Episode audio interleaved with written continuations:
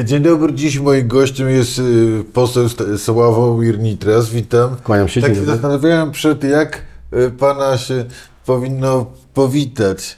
I się śmiałem, ale to byłoby strasznie grzeczne, nie mogłem, że powinienem powiedzieć siadaj Nitras, tak? A ja już siedzę. A przyzwyczaił się pan do siadaj Nitras? Nie. Jak został pan ulubieńcem Teleckiego? Nie wiem, ale do, do siadania teraz się nigdy nie przyzwyczaiłem. Czekałem na okazję bardzo długo. Nosiłem to w sobie. Czekałem na okazję, aż Terlecki nie będzie siedział i mu powiem z mównicy siadaj Terlecki. Wzbudziło to ogromne oburzenie pani marszałek Witek, pamiętam. Bo to, to nastąpiło w końcu, No tak, powiedziałem mu siadaj Terlecki. Yy, no to jest brak kultury. No, myśmy to widzieli. Podoba mi się to w Nowym Sejmie, bo wiadomo, że Sejm jest zawsze miejscem, gdzie opozycja próbuje coś zdestabilizować i e, uniemożliwić e, sprawne przeprowadzenie obrad. Ale podoba mi się to, że e, marszałek Hołownia, ale nie tylko, bo właśnie przed chwilą obrady prowadziła pani Monika Wielichowska.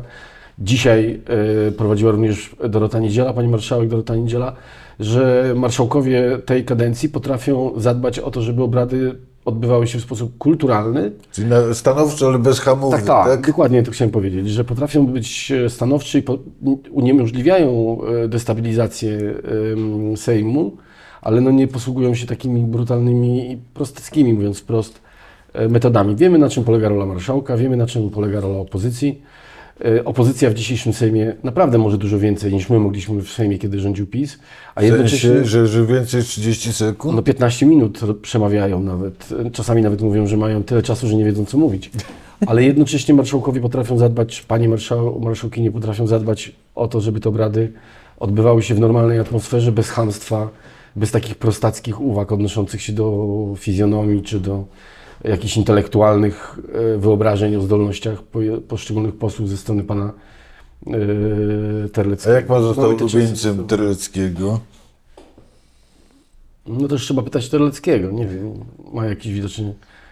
Jest coś takiego we mnie, co, co go urzekło.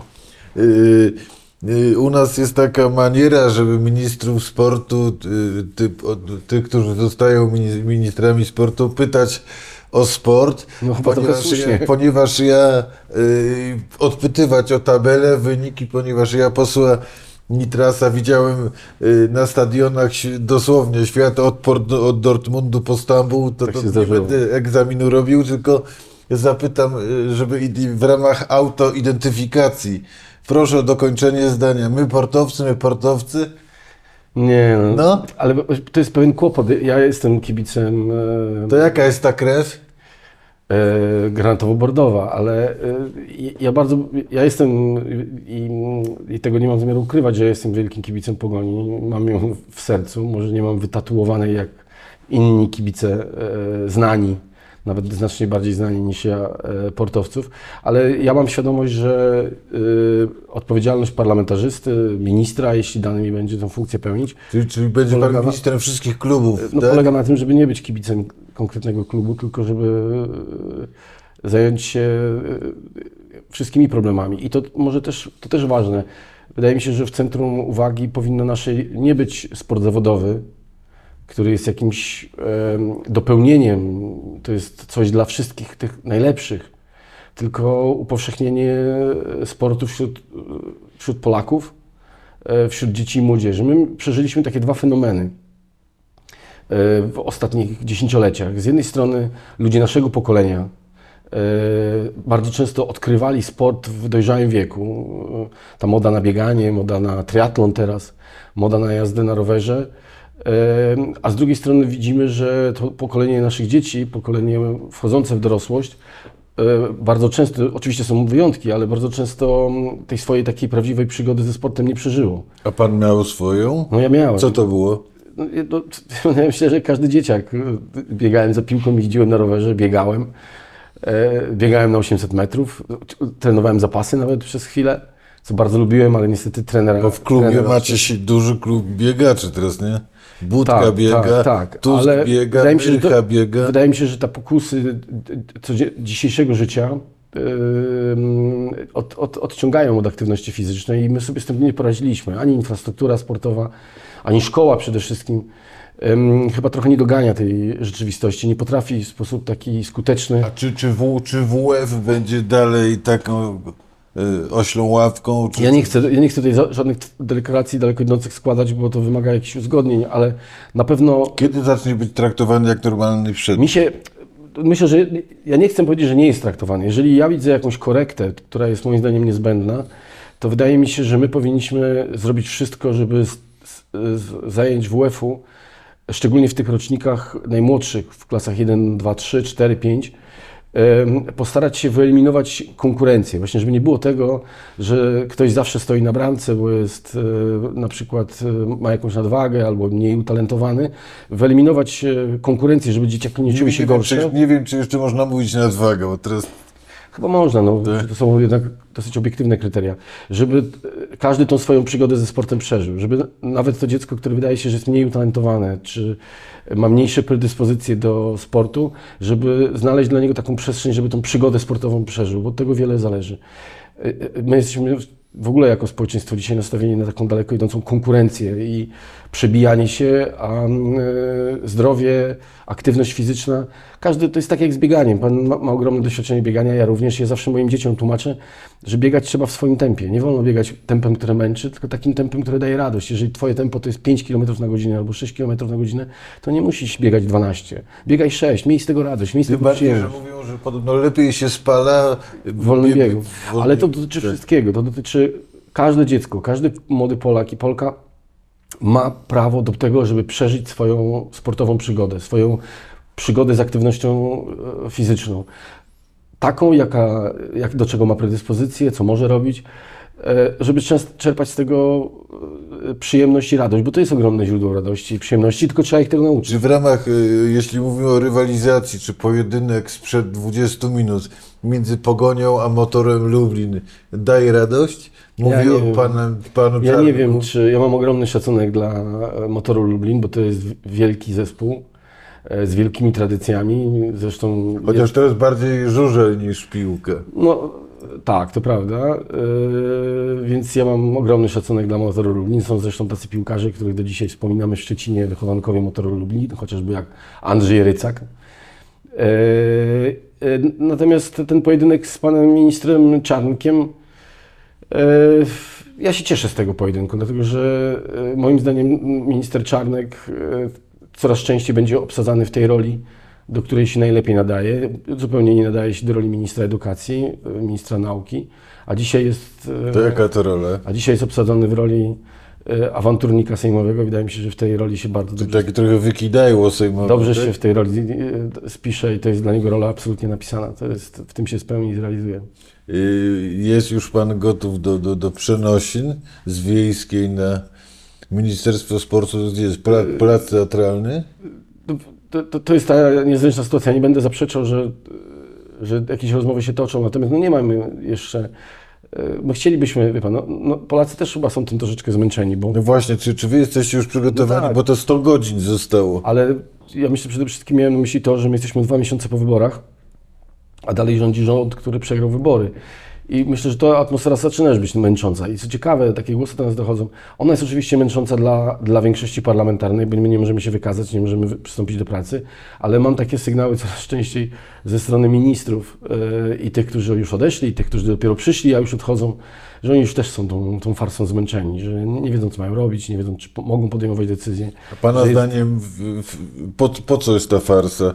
Bo to przedłużone jest już teraz, No, wiemy, wiemy po tak. każdego dnia widzimy, no, po to chociażby, żeby Morawiecki mógł powołać nowego szefa KNF-u, po to, żeby rozdać pieniądze, po to, żeby podpisać jakieś umowy, e, po to, żeby zabezpieczyć się w różnych e, miejscach, a na końcu może po to, żeby mieli nadzieję miesiąc temu, bo przecież oni to planowali nie dzisiaj, nie wczoraj, tylko miesiąc czy dwa miesiące temu, e, licząc się z tym, że uda się zbudować jakimiś metodami nie do końca uczciwymi większość parlamentarną, że uda, się kogoś albo przykupić, albo zaszantażować, ale wydaje mi się, że ten okres krótkiej smuty, y, że tak ją określę, y, mija i Chociaż rzeczywiście... transition takie dwumiesięczny w Ameryce jest standardem po wyborach prezydenckich.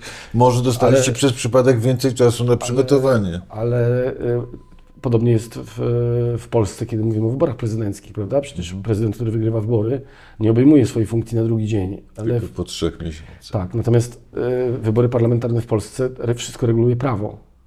Zgodnie z prawem y, my powinniśmy mieć już nowy rząd. Oczywiście sztuczkami prawnymi można było ten okres przedłużyć, ale wydaje mi się, że to jest doświadczenie dla wszystkich i dla PiSu, myślę, że również dla pana prezydenta Dudy, niedobre. I myślę, że oni wszyscy wiedzą, że to na końcu taki okres, ludzie odpowiedzialni, ja mam takie sygnały, naprawdę, i to od ministrów, którzy namawiani do, do tych obecnie pełniących funkcje, e, namawiani do podejmowania jakichś decyzji na ostatnią chwilę, często wątpliwych prawnie, odmawiali. Mówili, nie, nie, przepraszam, ale to już jest moment, ja nie chcę podejmować decyzji. I to jest taki moment, kiedy tylko ludzie o jakiejś e, stępionej wrażliwości i stępionej e, odpowiedzialności prawnej, takiej świadomości odpowiedzialności prawnej, chętnie z takiego czasu korzystają. Chociaż z drugiej strony, A nie ludzie poważni. jakbyśmy spotkali się powiedzmy na początku października i nakreślili scenariusze, co to się może zdarzyć, jakbyśmy, jakby opozycja wygra, wygrała wybory, to ten realizowany teraz scenariusz przewidywany. byłby w sumie y, uznany za pozytywny Tak, bardzo. tak. bo Ja, ja też, żeby być. e, Ja doceniam szarości. To nie jest tak, że wszystko jest, świat jest czarno-biały. Ja pamiętam taki moment. Ja rozumiem też, znaczy nie rozumiem, nie usprawiedliwiam tego, ale e, jakby rozumiem logikę, jaką kierował się prezydent Duda. Ja wracam do tej decyzji, którą on podjął, którą To niech pewnie. pan powie, jaką logiką, logiką się... Kiedy, on kierował. dec- kiedy Duda zdecydował się na powierzenie misji Morawieckiemu, nikt nie miał wątpliwości, że robi to dlatego, żeby w swoim środowisku, do którego chce wrócić, w jakiś sposób się uwiarygodnić, a przynajmniej, żeby w tym środowisku Żeby nie uchodzić za zdrajcę. zdrajcą, Tak, tak. żeby nie uchodzić za zdrajcę. Jednocześnie wiadomo, że wiadomo, jaką retoryką posługiwał się Duda, kiedy dochodził do władzy. Przecież prezydent Duda używał dokładnie tego samego języka w stosunku do Platformy, czy w stosunku do Donalda Tuska, jakiego używał Kaczyński. Żadnego innego. I e, on miał świadomość, że jeżeli planuje jeszcze jakieś działania polityczne, to powierzenie przez niego funkcji premiera Tuskowi zostanie wykorzystane przez jego przeciwników w PiSie w przyszłości. Ale chcę zwrócić uwagę na drugi element tej decyzji, ponieważ my wtedy bardzo realnie baliśmy się scenariusza, że e, na przykład kiedy, a przecież były takie pomysły w głowie Kaczyńskiego, się urodziły i one były wyartykułowane, że kiedy na przykład marszałkiem seniorem zostanie e, powołany e, pan Terlecki, to on po prostu nie dopuści do zaprzysiężenia posłów, w ten sposób wstrzyma całą procedurę, albo wręcz, no to byłaby jakaś forma zamachu stanu wręcz, ale on był na pewno do tego zdolny i był do tego gotowy. Czyli chce pan I powiedzieć, proszę że Duda mógł się zachować gorzej, tak? Mógł się zachować gorzej. Wydaje mi się, że to był moment, w którym on się realnie przestraszył scenariuszy pisanych przez Kaczyńskiego. On się bał, że zostanie wci- wciągnięty w scenariusz, którego skutków nie jest w stanie do końca Dobrze, myśli, myśli pan, że oni jeszcze... Dlatego wskazał polityka opozycji. szykują, szykują jakąś niespodziankę jeszcze, czy już gładko teraz te 100 godzin minie? E, bo my się tak trochę prześliznęliśmy, to, bo to nie było gładkie dwa miesiące. E, ten raport Cęckiewicza i Zybertowicza, e, tak zwany raport, to też była próba destabilizacji. No, pan, no mamy do czynienia z sytuacją, kiedy poważ- wydawałoby się poważni ludzie. Przypomnę, że pan Cęckiewicz to jest jeden z najbliższych współpracowników pana Macierewicza, wiceszefa PiSu. Pan Zybertowicz jest cały czas doradcą prezydenta Dudy. Ja po, po, tych nazwisk nie pamiętam, ale zgaduję, że, przepraszam, jeszcze pana,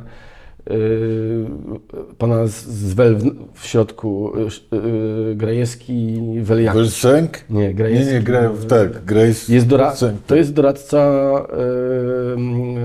kiedyś doradca pana marszałka Kuchcińskiego, później doradca pana Kuchcińskiego jako szefa Komisji Spraw Zagranicznych. To są ludzie bardzo, to są najbliżsi doradcy polityków PiSu. Przecież oni podjęli próbę wyeliminowania, na chybił trafił trochę, połowy rządu. Dlatego pytam, myśli Więc- pan, że to jest koniec tej zabawy z ich strony, czy jeszcze jakiś numer wytrwał? Myślę, że słowo zabawa e, e, użyte przez Pana jako pewnym charakterze przenośni, ono jest tu jak najbardziej zasadne, dlatego że widać groteskowość tych, tych poczynań. To są kapiszony i wydaje mi się, że te działania e, PiSu są coraz bardziej bezsilne. To widać, że to po prostu jest już taki skowyt, skowyt tak? którego prawie nie słychać, prawda? Więc e, ja jakoś się szczególnie nie obawiam tego, że oni są jeszcze w stanie coś A jak pan zrobić. myśli, czy rozmawiacie z koleżankami, z kolegami, jak ten polski transfer of power za parę dni w przyszłym tygodniu będzie wyglądał? Spokojnie, czy by z, jakąś klasą, kurtuazją, czy tak raczej, przepraszam, na rympał? Cieszy mnie ten sygnał, nie wiem, to nieoficjalna informacja, ale cieszy mnie ten taki sygnał, który poszedł z Pałacu Prezydenckiego, że już pal licho ten 13 poranek. My to przeżyjemy, e, ale że jest e, przez prezydenta wskazana data zaprzysiężenia e, rządu. Nie wiem, co prezydent powie. I to jest 13 teraz. Takie informacje m, za pośrednictwem dziennikarzy tak naprawdę poznajemy, ale była jakaś... Pan by się spodziewał, że pan Morawiecki na schodach kancelarii powita Donalda Tuska? No to jest dobre pytanie, nie wiem tego.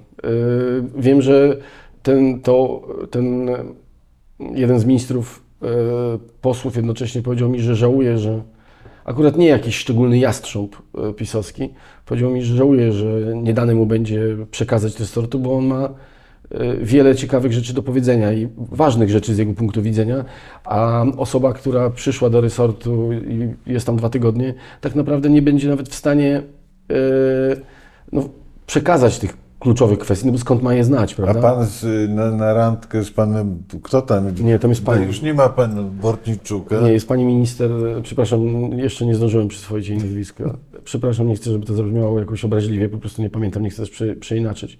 E, ale też to powiem panu no, też szczerze, w moim, jeżeli tak będzie oczywiście, jeżeli ja do tego resortu wejdę, ja wolałbym porozmawiać z panem Bortniczukiem, który tam spędził kilka lat i który niewątpliwie dużo serca włożył, ja tego nie kwestionuję. No, to Mogę mieć wiele nie trudno uwag. go znaleźć w Sejmie, nie? No tak, ale mówimy o pewnym zwyczaju jednak No tak, jest. oficjalnym, prawda? Do gabinetu herbata. E, To nawet nie chodzi o ten gabinet, nie chodzi o tą herbatę, tylko chodzi o to, że no, to nie jest tak, że ja mam, czy my mamy poczucie, że nie warto słuchać e, w ogóle tego, co, co się w resortach dzieje. Możemy mieć w wiele sprawach różne zdanie, ale wysłuchać tego, co robił tam, co robili ludzie w resortach, którzy tam kilka lat spędzili, to jest również z punktu widzenia państwa pewna wartość, pewna ciągłość, pokazanie pewnej, pewnej klasy. I mimo, że te relacje obecnie no, są w Polsce zdewastowane, e, to, to pod tym względem też się źle stało i mówię, ja osobiście uważam, że to jest źle, że tak to, taką fastrygę wymyślono, czy taką dziwną konstrukcję, ale wiem, że wśród ministrów, którzy odeszli, też jest wielu takich, którzy żałują, że nie będą mogli wysłuchać, co mają do powiedzenia. W ostatnich dniach poprzednicy. po karierę pewną robi stwierdzenie, nie możemy być tak jak oni.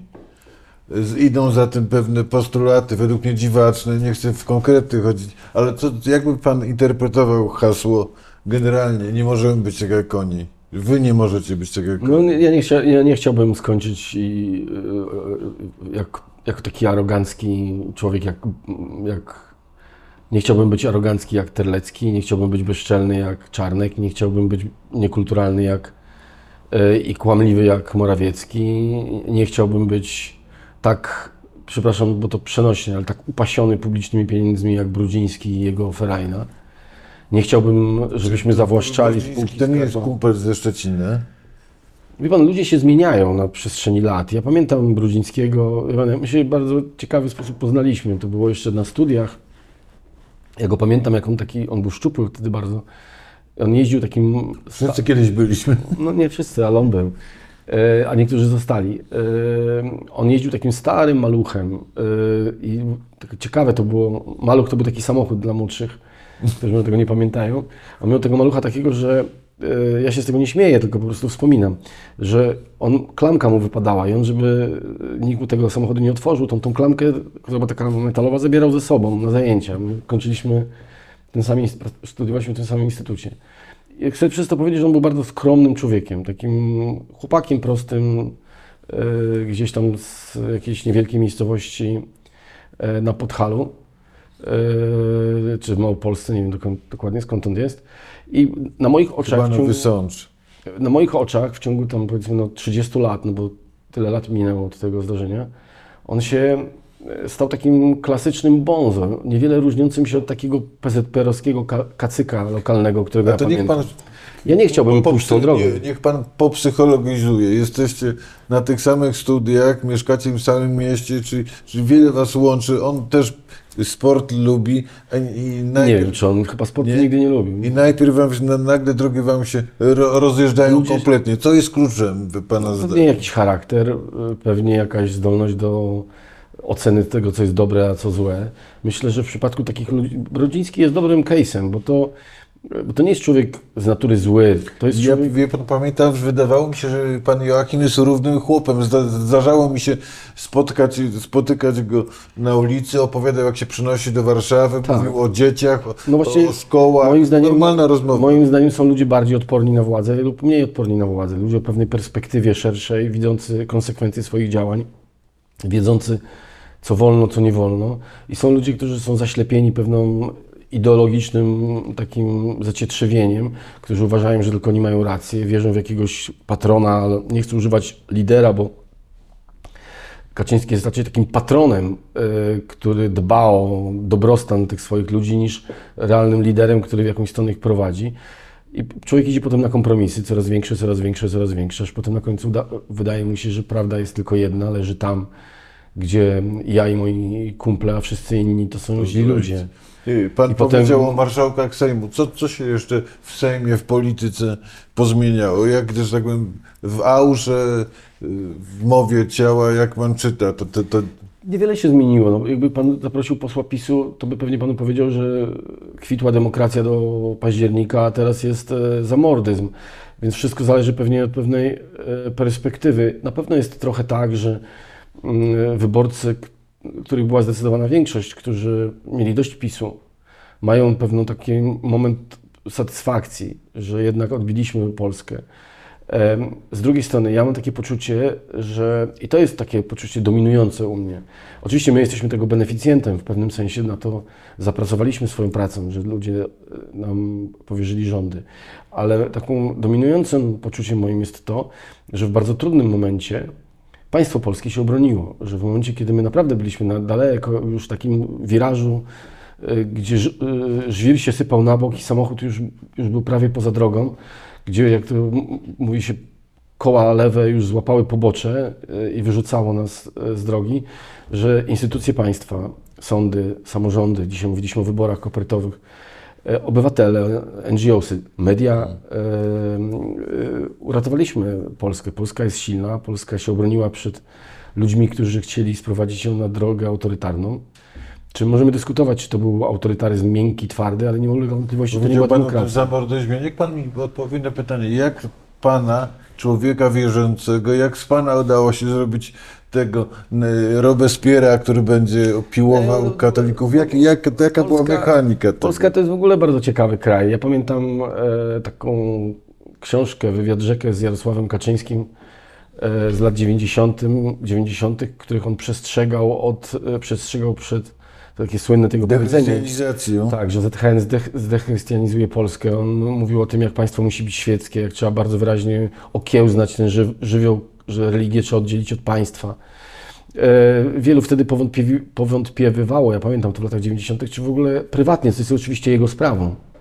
E, czy Jarosław Kaczyński jest w ogóle człowiekiem religijnym. A z drugiej strony, ja nie jestem pierwszą osobą. Proszę zwrócić uwagę, ja, ja pamiętam jak symbolem znienawidzoną, osobą znienawidzoną przez środowiska religijne, czy takie ortodoksyjnie katolickie, była na przykład Hanna Gronkiewicz-Waltz, która jest głęboko religijną katoliczką. Pamiętam jak e, rząd e, Hanny Suchockiej, która jest głęboko wierzącą e, osobą, obalała narodowa katolicka prawica w Polsce.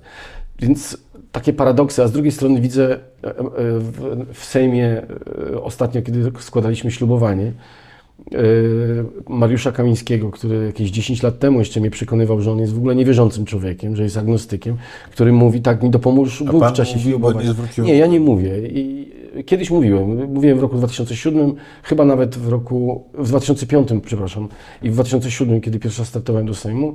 I u mnie w tej materii, głęboko sobie to przemyślałem, nastąpiła pewna zmiana. Uważam, że jesteśmy innym państwem. Uważam, że dzisiaj te słowa w Sejmie, Mariusz Kamiński, niewierzący, jest tego najlepszym przykładem. E, Dzisiaj słowa tak mi dopomóż Bóg wymawiane w Sejmie nie świadczą o mojej religijności lub jej braku, tylko są pewnym świadectwem politycznym. Czy podoba mi się obecny, obecna rola Kościoła w Polsce, czy mi się nie podoba. Ponieważ mi się rola Kościoła w Polsce i kierunek, w jaki hierarchia prowadzi tę wspólnotę, prowadzi, e, nie podoba, e, to ja nie chcę tego firmować. I uważam, że to jest klasyczny przykład. Oczywiście rozumiem tradycję i ja nie odbieram prawa inny, innym do tego, ale to jest klasyczny przykład, kiedy mój ojciec, który mnie o to pytał, bo jest osobą religijną, uzyskał ode mnie odpowiedź e, taką. o ile ja w kościele nie mam prawa głosować, bo nikt mi nie pozwala w kościele głosować, to w Sejmie nie będę się modlił. Y, Jak rozdzielamy, to rozdzielamy. Czego obywatel y, Nitras oczekuje od obywatela Tuska? Co chciałby pan usłyszeć w jego ek- expose? Mm, To, do, to stawia mnie Pan znowu w niezręcznej sytuacji, bo ja mam nadzieję, e, że przed wystąpieniem Pana Premiera będę miał okazję e, powiedzieć mu, co chciałbym, żeby tam ujął. Niech pan powie łaskawie. No właśnie, no wie Pan, no jeżeli mam powiedzieć No to jemu, to nie chciałbym tego mówić Dobra. publicznie. Myślę, że obowiązuje też nas trochę pewna lojalność. Wszyscy No dobrze, tak lidera. może be- bez dosłowności, ale No to bez dosłowności- pewien typ przesłania. Bez dosłowności wszystkich nas obowiązuje pewna lojalność. Ekspozy wygłasza premier. Ja za pewien zaszczyt yy, i honor sobie traktuję to, że mam prawo mu powiedzieć, co uważam, że powinno w tym ekspoze się znaleźć. W związku z tym pewna formuła mnie ob- obowiązuje. Natomiast nie ulega dla mnie wątpliwości, że to będzie ekspoze, które będą, będzie słuchane zarówno przez Polaków, jak i będzie słuchane y, na świecie. Polska jest dzisiaj na ocz- oczach całego świata. Tak jak widzimy te niepokojące cały świat sygnały z wielu miejsc, y, z Ukrainy, z Rosji, z Chin, z Bliskiego Wschodu. Tak Polska jawi się dzisiaj, mam nadzieję, że to nie będzie tylko moment, jako taka iskierka nadziei, która się pojawiła w, w demokratycznym świecie i e, na pewno Donald Tusk będzie o tym pamiętał i że, że to musi być przesłanie, które z Polski płynie również do krajów europejskich, naszych partnerów, które będzie słuchane w Waszyngtonie, e, które będzie słuchane w krajach środkowej Europy, które mam nadzieję znowu zobaczą w Polsce pewnego lidera e, naszego w Europie i na świecie. A Polacy usłyszą. Czyli to będzie nadzieję- trochę expose, myśli pan Urbi et Orbi, tak? nie, no myślę, że Polska odgrywa na tyle istotną ro, ro, e, rolę dzisiaj w świecie, że przyszły premier polskiego rządu, szczególnie premier Tusk, który, którego postać na, św- na świecie nie jest anonimowa przecież, nie tylko ma prawo, ale i obowiązek powiedzenia, jak Polska widzi świat, jak Polska chciałaby ten, przyczynić się do tego, że świat będzie bezpieczniejszy i że współpraca na świecie zwycięży, a nie tylko konkurencja. Wydaje mi się, że tego bym się po nim spodziewał. A Polacy, mam nadzieję, usłyszą, że, że Polska jest dla każdego. Że, że oczywiście trzeba osądzić e, ludzi, którzy łamali prawo, ale że naszą intencją jest zbudowanie Polski kraju, w którym ludzie e, nie tylko w rodzinach, ale inaczej, nie tylko publicznie potrafią ze sobą rozmawiać, ale nawet w rodzinach potrafią ze sobą rozmawiać Zaczął znaleźć pan e, od ad, e, komplementu pod adresem marszałka Sejmu, ale jesteśmy dorośli, wiemy, że 200 metrów stąd zaczęła się parę tygodni temu kampania prezydencka. Czy jako przyjaciel i bliski współpracownik prezydenta Trzaskowskiego nie jesteście troszeczkę zaniepokojeni, że to już gdzie wyścig trwa, a wy z tyłu? Nie, no wie pan, ja wcale nie uważam, że my jesteśmy z tyłu, dlatego że sondaży, które się ukazało kilka, e, już po wyborach parlamentarnych, już po objęciu nawet przez Szymona Hołownię stanowiska marszałka Sejmu, drugiej osoby w państwie, przypomnę, e, pokazują, że liderem sondażu prezydenckiego jest Rafał Trzaskowski. A my nie mamy zamiaru e, zasypiać gruszek w popiele. Dzisiaj rano czytałem wywiad z panem marszałkiem Hołownią w Rzeczpospolitej, gdzie on mówi, że cieszy się y, na potencjał, ewentualne y, konkurowanie z Rafałem Trzaskowskim i wie, że to będzie dobry, dobry wybór dla Polaków, ciekawy wybór dla Polaków, demokratyczny, uczciwy pojedynek. Nam brakuje. My, proszę pamiętać, że Rafał Trzaskowski ma poczucie, y, że spotkała go daleko idąca nieuczciwość. On startował w wyborach, które nie były równe. Nie spodziewamy się fauli jakichkolwiek, ewentualnie po kandydacie Hołowni. Uważamy, że to jest dżentelmen, który po- potrafi prowadzić kampanię uczciwie. Niech Polacy wybiorą e, nie- najlepszą nie drogę miał dla Polski. poczucie, że gdyby zrobił wszystko, co powinien zrobić jako demokrata, to w Pałacu Prezydenckim dzisiaj był człowiek, który się nazywa Trzaskowski? Ja znam te zarzuty yy, i o, ta, ta, ta prawda o tej historii nie jest czarno-biała. Oczywiście Szymon Hołownia mógł zrobić więcej, nie ulega, i badania też pokazały, że część jego elektoratu nie poszła, nie zagłosowała. Myślę, że część z tych osób tego żałuje. Podobnie zresztą było z elektoratem lewicy yy, i wieloma liderami lewicy, szczególnie partii Razem, którzy, którzy pokazywali dystans i pewnie historia Polski potoczyłaby się inaczej i lepiej. W innej sytuacji byłby również dzisiaj, dzisiaj nasz rząd. Może nie doszłoby w ogóle do drugiej, e, w ogóle ten, ta kadencja trwałaby krócej, pisowska. E, Wydaje mi się, że e, nie ma polityka, który nie popełniał błędów. Trzeba patrzeć do przodu. Wydaje mi się, że Szymon Hołownia jest solidnym partnerem, z którym będziemy budować większość parlamentarną życzyłbym sobie, żeby ta współpraca ułożyła się jak najlepiej. I mam nadzieję tylko, że kampania prezydencka będzie toczyła się w takiej atmosferze, jeżeli oczywiście obaj panowie będą kandydatami, że ona nie wpłynie negatywnie na, e, na współpracę w ramach koalicji. Czy, czy, czy pan y, człowiek... A wygra lepszy, moim zdaniem, Rafał Trzaskowski. Y, Czy pan, człowiek, który kocha sport, y, na ołtarzu Ministerstwa Sportu nie będzie musiał złożyć swojej, swojej miłości do sportu? Będzie pan miał czas na wyjazdy, mecze? To Y, Na pewno nie złożę y, na ołtarzu mojej aktywności. Y, Będę dalej uprawiał sport, bo jest ono mi potrzebne do tego, żeby normalnie funkcjonować. Czuję się po prostu z tym lepiej. Natomiast tak, jeżeli będę oczywiście, bo to też muszę znowu po raz kolejny zastrzec, chociaż Chociaż wiemy już... Do... nie, no jeszcze nic nie wiemy. E, Natomiast mm, tak, czasami niektórym się wydaje, że no, moje życie będzie polegało na tym, że ja będę ciągle jeździł na jakieś mecze. Wydaje mi się, że niestety będzie zupełnie inaczej. Czy na igrzyska pan też nie pojedzie? Tego nie wiem. E, Nie wiem, czy to należy do moich obowiązków, e, czy nie. Nigdy nie byłem na Igrzyskach Olimpijskich i pewnie to jest marzenie każdego kibica sportowego zobaczyć Igrzyska. Nie wiem, czy będę na Igrzyskach. Prywatnie zap- zapytałem, zanim zaczęliśmy, y, bo widziałem pana na, na meczu y, w ostatnim finale Ligi Mistrzów. W tym roku, w przyszłym roku w Londynie, Wembley. Chyba nie. Nie, da- nie. Nie wydaje mi się, żeby miał... Z powodów taktycznych. Nie z powodów takich, że będę. To, to była w ogóle wyjątkowa sytuacja, ten, ten Stambuł i ten finał Ligi Mistrzów, dlatego że mm, to był prezent od moich przyjaciół e, dla mnie na, z okazji 50. e, urodzin. Obawiam się, że na 51. urodziny nikt mi takiego prezentu nie, e, nie da. Muszę chyba poczekać do 60. Dziękuję serdecznie. Bardzo dziękuję. Dzięki.